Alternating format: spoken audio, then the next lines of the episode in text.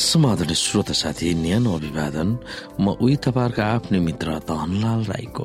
श्रोता साथी आज म तपाईँको बीचमा बाइबल सन्देश लिएर आएको छु।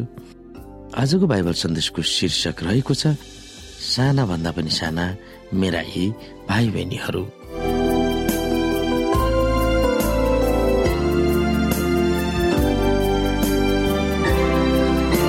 श्रोत साथी यस साना भन्दा पनि साना यी मेरा भाइ बहिनीहरू भन्ने बाइबल सन्देशमा हामीले विशेष गरी अध्ययन गर्नुपर्ने बाइबल पदहरू रहेको छ।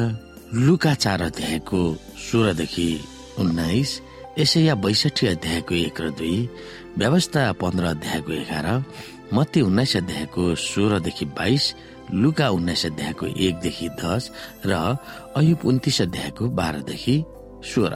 र श्रोता हामीले यस अध्यायमा सम्झनु पर्ने पद अथवा मेमोरी गर्नुपर्ने बाइबल वर्ष रहेको छ मत्ती पच्चिस अध्यायको चौतिस पद।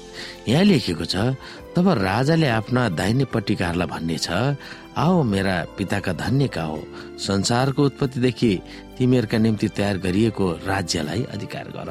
श्रोत साथी अपरिचित विदेशी नौलो मानिसहरू टुहुरा र विधवाहरूको बारेमा बाइबलले प्रायः जसो चर्चा गरेको हामी पाउँछौ।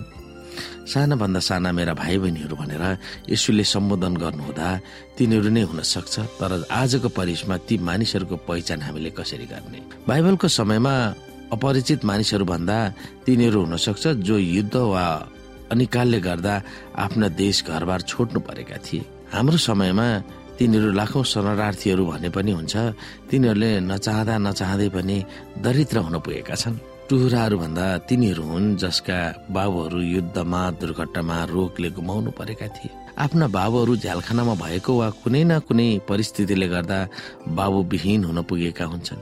यहाँ सेवा गर्नुपर्ने ठुलो क्षेत्रलाई समेटेको हामी पाउँछौ। टुहुराहरू जस्तै आफ्नो जोडीहरू गुमाउनु बाध्य भएका विधवाहरू विधुवैहरू धेरै घर परिवारमा कि त आमा हुँदैन कि त बुवा हुँदैन ती परिवारहरूलाई निश्चय नै चर्चले सहयोग गर्न सक्दछ। हामीहरू परमेश्वरको क्रियाकलापको प्रबन्धक भएको हैसियतले गरिबहरूलाई सहयोग गर्ने यसु भक्तको विकल्प मात्र होइन यो त यसुको उदाहरणलाई पछ्याउनु र उहाँका आदेशलाई पालना गर्नु पनि हो। हामीलाई थाहा छ श्रोता यसु ख्रिस्टले संसारमा हुँदाखेरि कुनै जात धर्म लिङ्ग कुनै कुरा हेर्नु भएन। हरेकलाई सम्मान तरिकाले सहयोग गर्नुभयो। हरेकलाई उचित रूपमा उहाँले मदत गर्नुभयो। आफ्नो पराई केही छुट्याउनु भएन।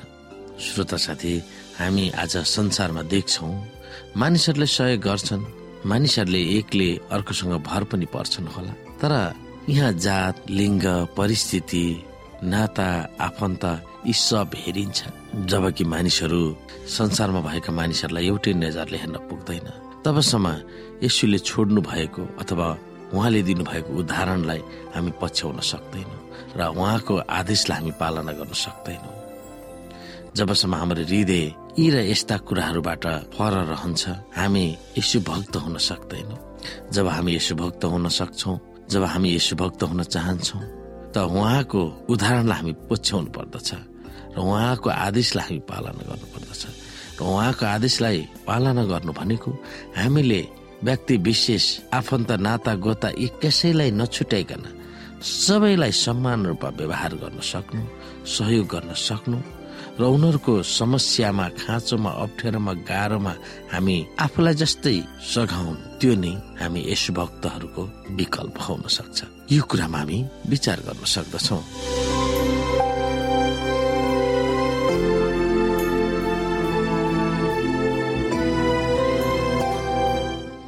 श्रोता साथी आजको लागि बाइबल सन्देश यति नै।